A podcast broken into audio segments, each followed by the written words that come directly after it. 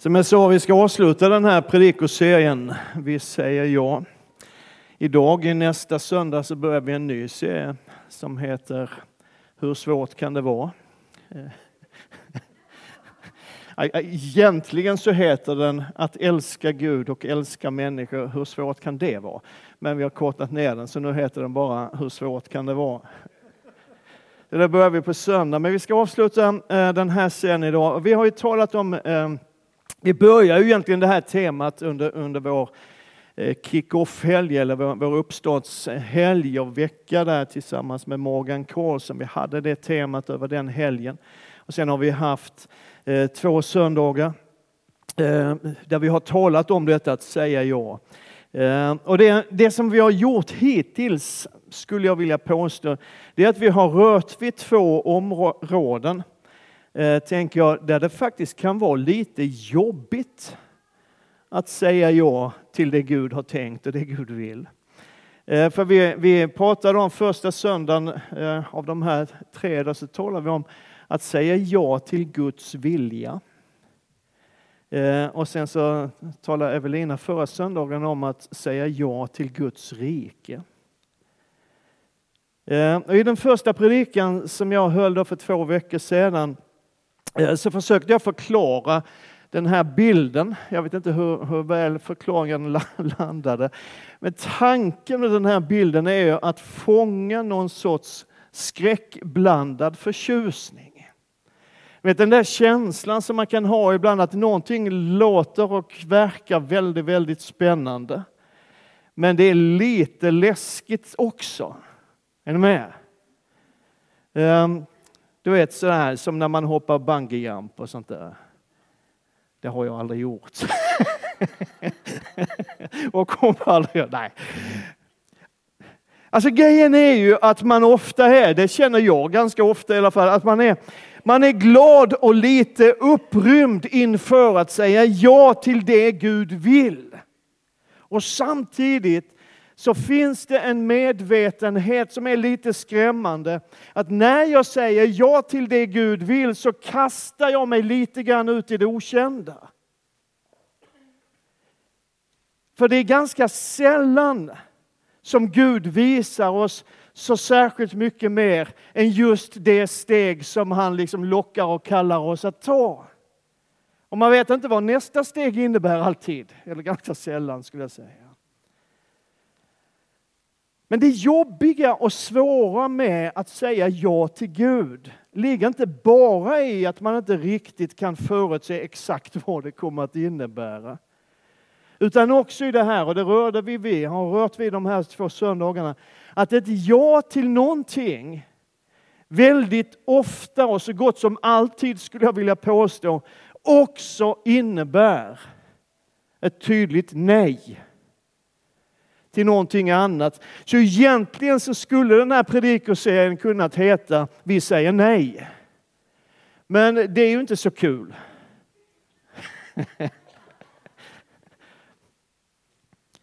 Alltså för att säga ja till Guds vilja, det betyder att jag då och då ganska ofta kommer att få säga nej till min vilja, till mina önskningar och till mitt kötts begär. Och att säga ja till Guds rike, som Evelina predikade så lysande om förra söndagen. Det betyder att då måste jag säga nej till mitt eget rike. Sätter jag hans rike först så kommer det att innebära att jag får abdikera från tronen över mitt eget liv. Och Jesus säger ju till och med att om någon vill följa mig så ska han förneka sig själv och ta sitt kors och följa mig. Jag citerade första söndagen teologen Darrell Johnson som skriver så här. Att förneka sig själv betyder att avstå från sitt eget herravälde. Det betyder att säga nej till guden jag. Att förkasta guden jags krav och anspråk. Det innebär att vi säger ett beslutsamt nej. Jag känner inte Herren mig och jag böjer mig inte längre för honom. Det är bra. Men det gör ont. Fast vi ska hålla fast vid det här. Vi säger ja. Det är roligare att säga ja. Och vi ska tala om ett område idag där det faktiskt inte är så där särskilt jobbigt att säga ja. Det är till och med ganska skönt. Och vi ska läsa ett stycke från första Korintierbrevets andra kapitel. Paulus som skriver så här. När jag kom till er bröder var det inte med stor vältalighet eller vishet som jag predikade Guds hemlighet för er. Jag hade nämligen bestämt mig för att inte veta av något annat hos er än Jesus Kristus och honom som korsfäst. Svag, rädd och mycket orolig kom jag till er. Mitt tal och min predikan kom inte med övertygande visdomsord utan med bevisning i ande och kraft. För er tro skulle inte bygga på människors visdom utan på Guds kraft. Och det är just det sista uttrycket som vi ska prata om lite grann idag. Att säga ja till Guds kraft. Och varför är det skönt? Jo, därför att om jag säger ja till Guds kraft så säger jag nej till min.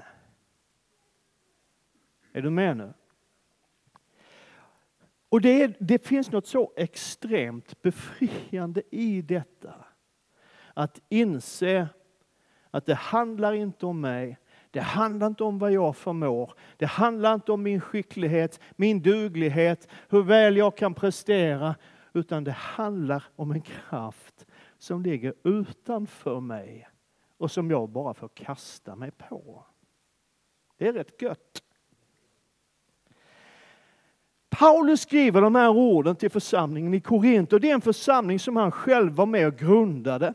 Det ska inte riktigt ut så i Korint på den tiden som det gör nu, men ungefär. typ.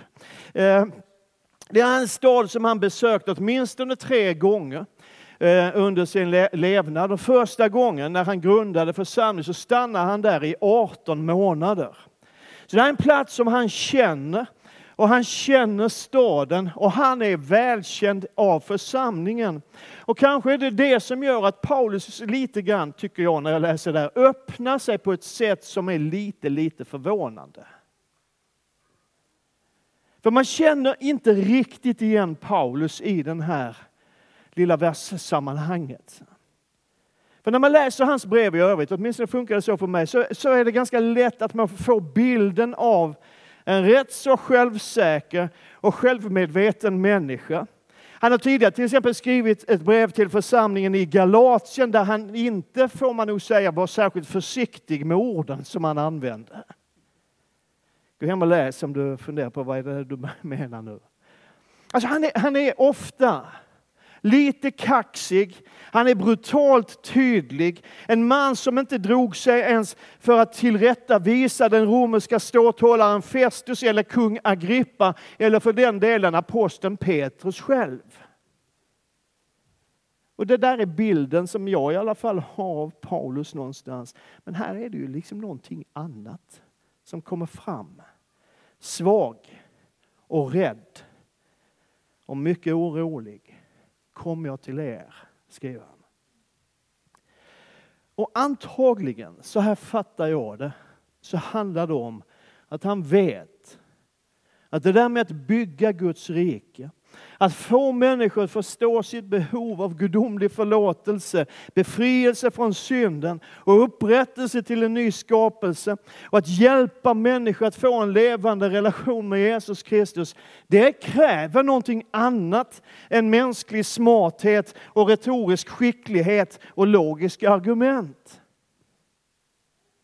Han som var högutbildad teolog, för det var han verkligen, och han kom från en fin och ansedd släkt. Han hade ett enormt kontaktnät och egentligen hade han alla mänskliga förutsättningar för att lyckas. Det är han som konstaterar, liksom så här, att om ni kära vänner i Korint skulle komma till tro på Jesus Kristus så kunde det inte baseras på min vältalighet då kunde det inte handla om min erfarenhet att på ett smart sätt presentera evangeliet.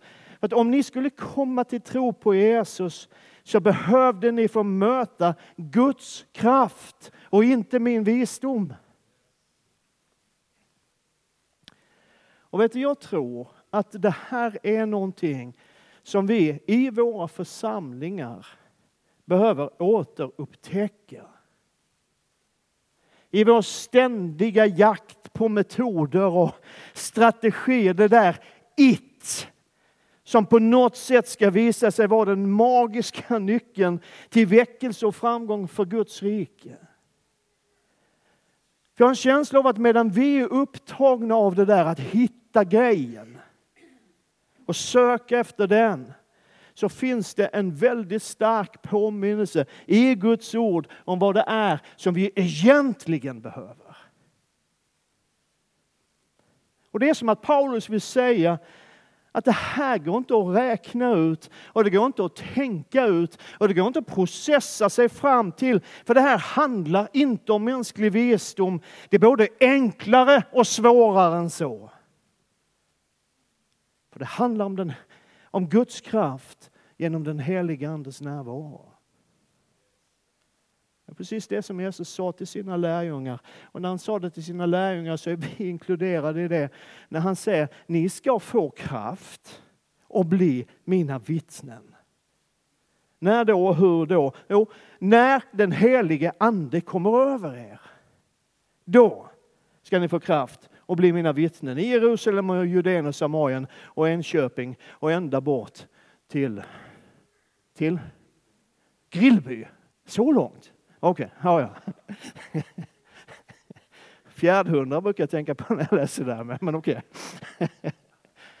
Då när anden kommer, det är där kraften ligger, det är då det händer någonting.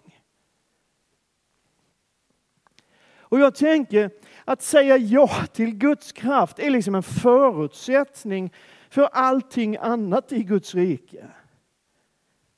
Och ibland tänker vi nog tvärtom, att det där med kraften, det kommer efter att allting annat är på plats. Men jag inser när jag läser det här och har studerat det här de senaste veckorna att Guds kraft är ju själva grunden för församlingen. Därför att utan Guds kraft, genom den helige Andes närvaro, så faller allt vad vi gör och allt vad vi försöker vara platt till marken. I Sakarias bok i Gamla Testamentet så finns det bland annat nedtecknat de ord som profeten fick tala från Gud till en man som hette Serubabel. Det är också ett namn att ha, men han hette så. Och det handlar om den tid när Israels folk har fått återvända från fångenskapen i Babylon. Och man kommer till ett sönderslaget Jerusalem där till och med det heliga templet ligger totalt i ruiner. Och Serubabel är den man som fick ansvar för att bygga upp templet igen. Och grejen är, vi ska inte gå in på det här, jag har hållit flera predikningar om detta, men, men det som, som jag är ute efter det är, det är det här att det är just när Zerubabel håller på att lägga grunden till templet som Gud talar både uppmuntran och förmaning till honom. Och så säger han så här, nu läser jag från 1917 års översättning, för det var den som Jesus själv hade. Eh, då står det så här, då talade han och sa till mig, detta är Herrens ord till Zerubabel. Inte genom någon människas styrka eller kraft ska det ske, utan genom min ande, säger Herren Sebaot. Amen. Och Gud till och med, du kan läsa det här sammanhanget sedan i Sakarja bok om du vill. Men Gud till och med lovar att Zerubabel kommer att lyckas. Det är inte alla som har fått ett sådant löfte i sitt liv, men han får det löftet. Gud säger att Zerubabels händer har lagt grunden och lägger grunden och de ska också få göra det färdigt. Och han ska få bära fram slutstenen, liksom den sista stenen. Den som talar om att nu är det klart, den ska han få bära fram under jubelrop till Gud. Det löftet finns där. Men förutsättningen är att Zerubabel inser att det här handlar inte om honom. Det handlar inte om hans duktighet och hans förmåga, utan det handlar om Guds kraft genom den helige Andes närvaro.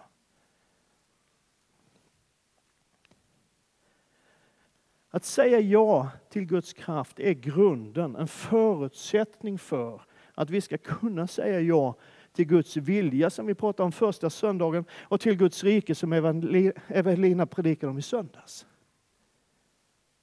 För vi sa ju att när vi säger ja till Gud så innebär det ganska ofta att vi får säga nej till oss själva, till våra begär, till vårt kött. Och Paulus skriver om det här i Romarbrevets tolfte kapitel, att det här med att, att liksom välja vad man säger ja till och vad man säger nej till, det är en kamp i första hand i ditt och mitt sinne. I våra tankar och i våra känslor. Det är det som beskrivs som, som våra sinnen.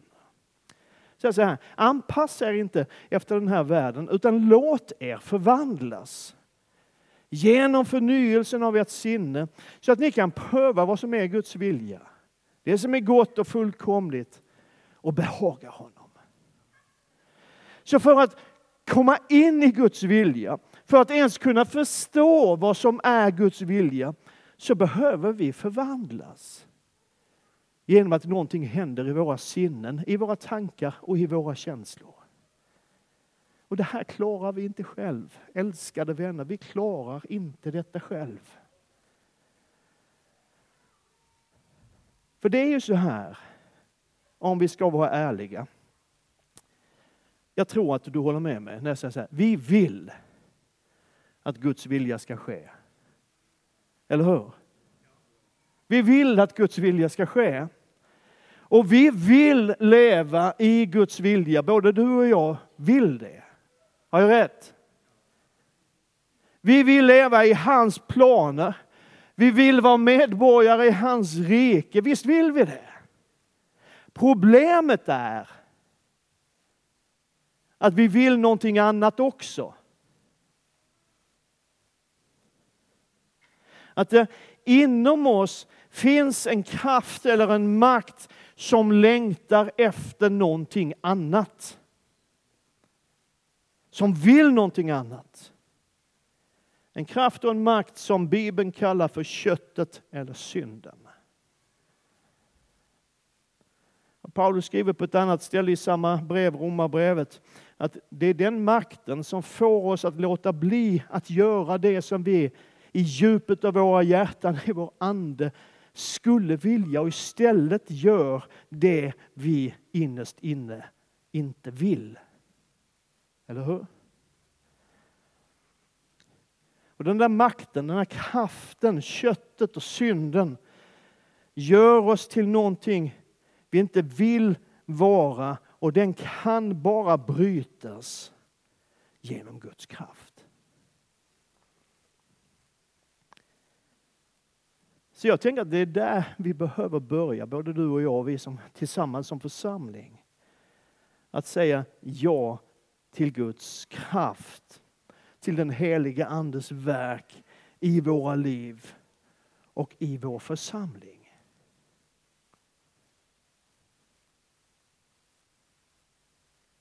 För det är Guds kraft genom den heliga Ande som hjälper oss att övervinna vår själviskhet, vår självcentrering och vår njutningslystnad och vår bekvämlighet kraften i den helige Ande.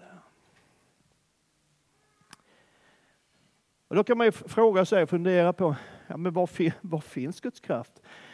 Hur får man tag på den? Och då skulle jag vilja säga att först och främst så finns Guds kraft i evangeliet om Jesus Kristus. Amen. Det står så här i första kapitlet i Romarbrevet. Och Paulus skriver, jag skäms inte för evangeliet. Jag skäms inte för evangeliet.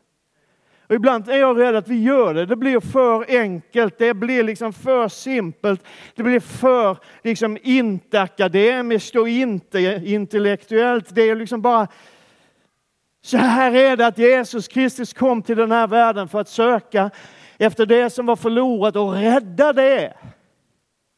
Och så gjorde han det. Och för att han gjorde det så blev han dödad. Men han uppstod igen och nu bara funkar det. Och så enkelt är evangeliet. Och i det evangeliet finns en våldsam kraft som ingenting kan stoppa i den här världen. Det enkla evangeliet satte mig fri från det liv som jag levde innan jag kom till Jesus. Det var inte krångligare än så. Det enkla evangeliet är det som frälste dig.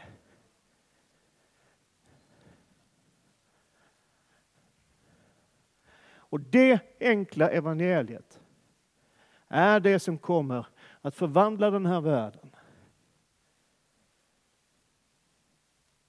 Det är det enkla evangeliet som kommer att återupprätta hela den här skapelsen. Och den här världen blir det Gud en gång tänkte att den skulle vara. Det är det enkla evangeliet om vad Jesus Kristus har gjort. Det är en Guds kraft till frälsning, till räddning, vilket ord du nu vill använda, för var och en som tror. Juden först men också greken, och det betyder för alla människor.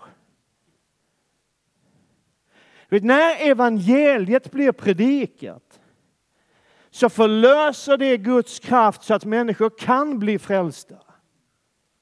Om evangeliet inte predikas så kan man inte bli frälst. Så det är det vi predikar.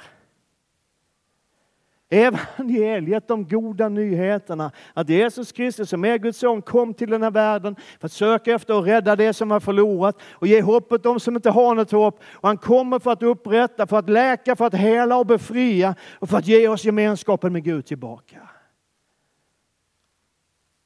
Och låt mig säga det här, för jag tror det är viktigt i den tid som vi är. Det är, så mycket influenser, det är så mycket liksom, tanke om att kyrkan ska bli mer filosofisk och mer intellektuell och mer hit och mer dit och mer ja, allt möjligt. Men jag tror att det är så här att utan den förkunnelsen så är kyrkan inte bara kraftlös utan faktiskt helt meningslös.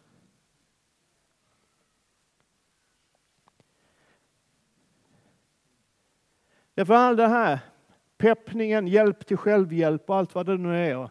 Bli ditt bästa jag, den bästa versionen av dig själv. Alltihop där, det kan du få precis var som helst. Och oftast mycket bättre än i kyrkorna. Men evangelium om Jesus Kristus, att Gud själv kliver in i din och min vardag för att rädda och upprätta och befria och lösa och hela och bota. Det får du ingen annanstans än i den levande Gudens församling.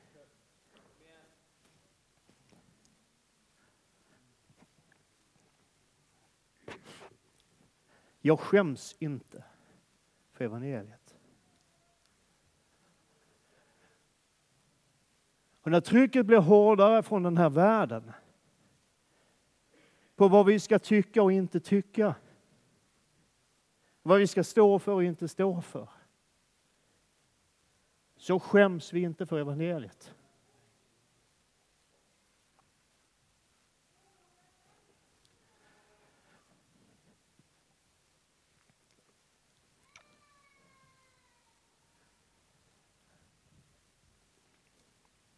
Var finns Guds kraft? Jag skulle vilja säga för det andra att Guds kraft finns att hämta i bönen. Guds kraft finns att hämta i bönen.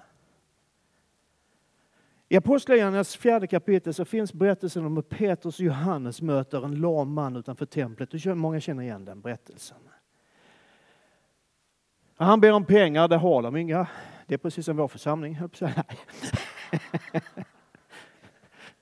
Men eh, så Peter säger, vi har, vi har inte så mycket pengar, men vi har någonting annat. Du kan väl stå upp och vara frisk istället. Liksom. Det, det är fantastiskt. Så blir han botad då, och det leder till att Petrus och Johannes blir arresterade. Det är lite konstigt, men det blir de. Och så blir de för, förhörda. Och så blir de förbjudna att tala offentligt om Jesus. Det är lite tryck på församlingen och på de första kristna. Och då händer det här att så snart Petrus och Johannes blev fria sökte de upp de sina och berättade allt vad översteprästerna, folkets ledare, hade sagt. När de andra hörde dem så gav de upp och gick hem. Nej, det gjorde de inte. Utan då började de alla gemensamt att ropa högt till Gud. Och så står det så här. Och när de hade slutat att be så skakar platsen där de var samlade och alla fylldes av den helige Ande och förkunnade Guds budskap frimodigt. Wow. Bön förlöser Guds kraft. Och då är ju grejen detta att det här vet vi. Har du varit en kristen i mer än 20 minuter så vet du det. Eller hur?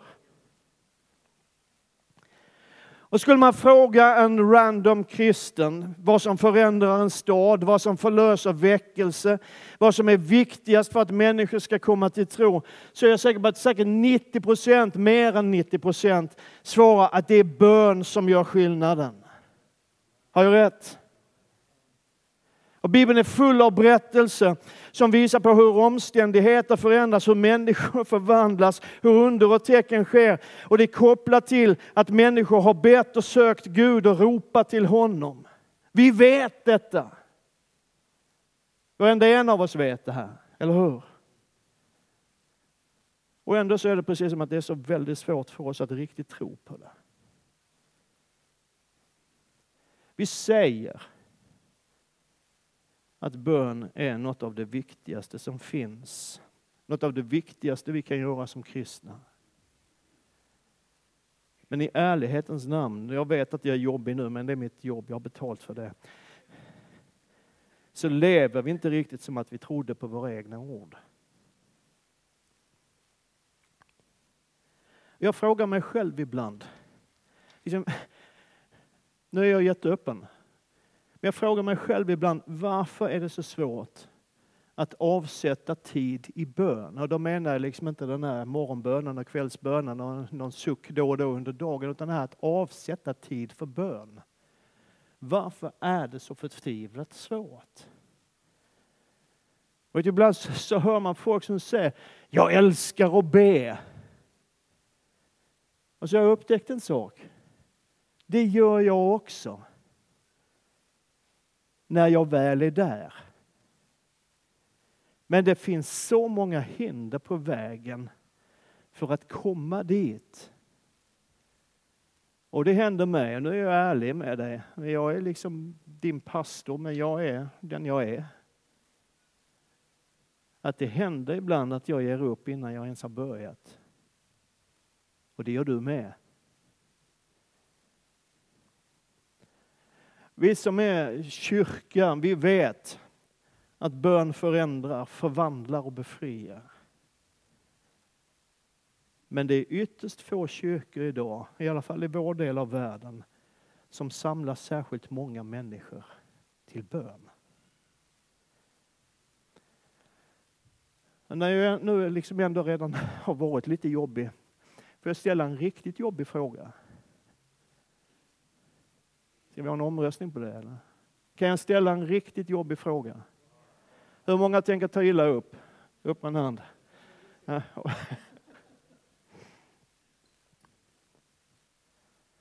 Okej. Okay. Hörru du, om din hemgrupp krockar med någonting annat, och då menar jag inte jobb eller sånt här nödvändigt, utan om din hemgrupp krockar med någonting annat, en fritidsaktivitet, en hobby, en golfrunda eller vad det nu är. Vad är det då störst chans att du väljer?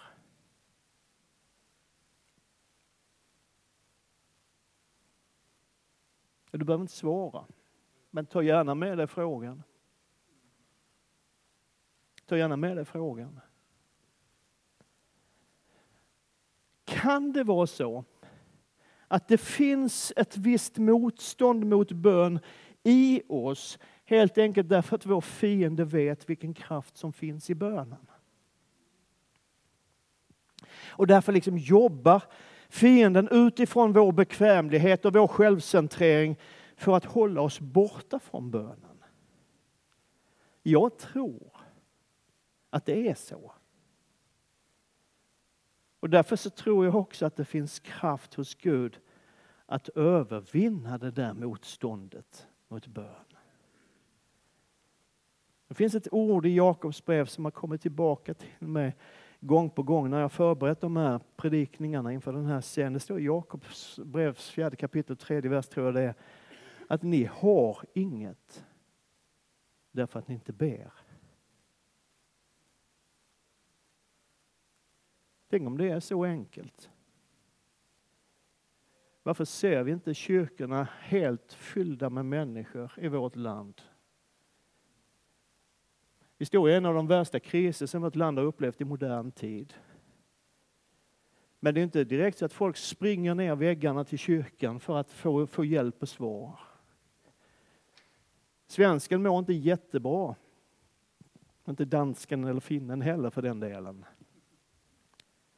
Men tänk om det är så att den största anledningen till att vi inte riktigt når ut med evangeliet i Enköping och i andra städer i vårt land och runt omkring i den här delen av världen. Om orsaken är att vi inte ber. Ni har inget för att ni ber inte.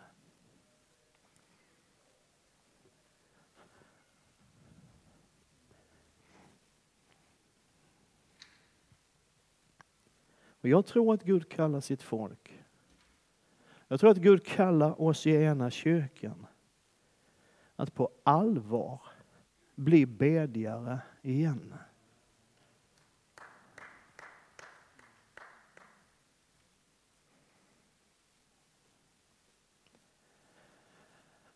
Sista punkten, var finns Guds kraft? Jag vill säga, den, den kraften ges till oss genom den helige Ande. Precis som Gud lovade Zerubabel, styrkan och förmågan ligger och finns i min ande, inte hos dig. Eller som Jesus sa, ni ska få kraft när den helige Ande kommer över er. Och Det är ju exakt det där som lärjungarna var med om i Apostlagärningarna 4. De bad, hela tillvaron skakades om. De blev uppled, uppfyllda av den helige Ande. Och minns du vad det ledde till? Att alla fylldes av den helige Anden och de förkunnade Guds budskap frimodigt. Alltså uppfyllelsen av anden ledde till att evangeliet blev förkunnat. Eh, ibland tänker jag att vi som är karismatiker har ett lite annat fokus ibland när vi pratar om andeuppfyllelse och andedop. Då är det lätt för oss pingstisar att tänka på tungotal och profetia och be för sjuka och alltihop det där. Och det är absolut inget fel i det, låt mig stryka under det. Jag tror vi ska göra det. Vi ska tala i tunga, vi ska profetera, vi ska be för sjuka, vi ska kasta ut demoner, vi ska göra alltihop det. Men det verkar som att huvudsyftet med kraften som den helige Ande gav och ger är att evangelium ska förkunnas. Och nu är det ibland kraftgärningar, undertecken, det är ett sätt att förkunna så det, det finns ingen motsättning i det. Men syftet med alltihop är att evangeliet ska förkunnas för människor. Så då hör de ju ihop de här tre punkterna. Guds kraft finns i evangeliet. Den blir förlöst i bön och den ges till oss genom den helige Ande. Och när vi får den helige Ande och kraften genom den helige Ande så leder det till, och så är vi tillbaka, att evangeliet blir förkunnat.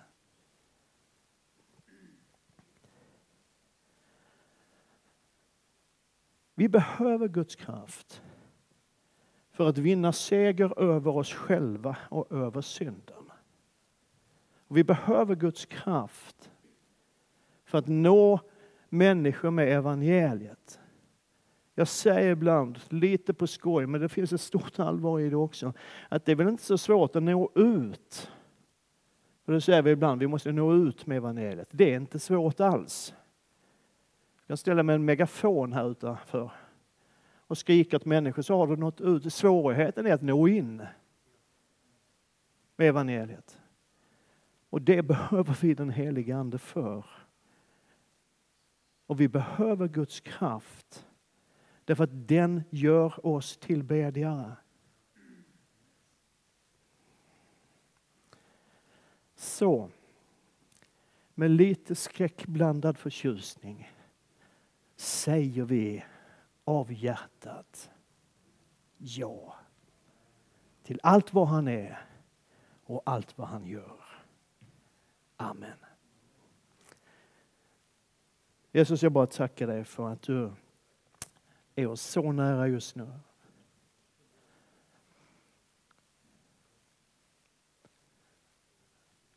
Här gång på gång så utmanar ditt ord oss. Ibland på sätt som är lite obekväma och jobbiga. Men jag tackar dig att din ande och ditt ord inte är givet till oss för att ge oss dåligt samvete och skapa fördömelse utan för att befria oss och leda oss och sätta oss in i allt det som du har för oss.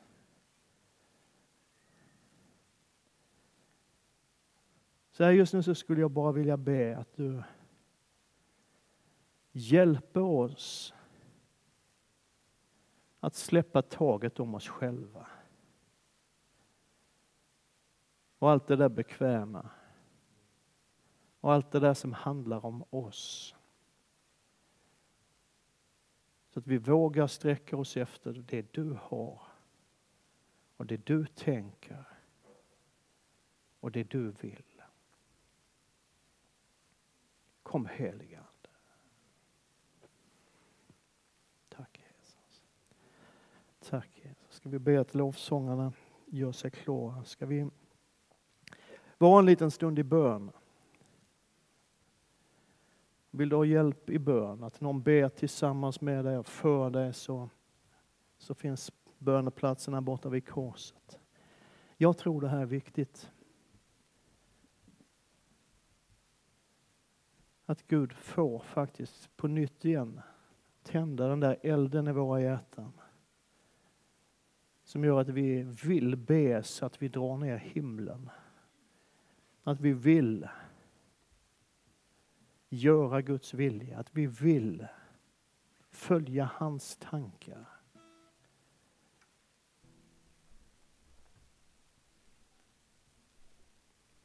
Så låt oss bara söka Gud tillsammans. Det här är ju liksom både personligt men, men det är också någonting vi gör tillsammans. Så låt oss tillbe Herren och söka honom tillåta honom att förvandla oss.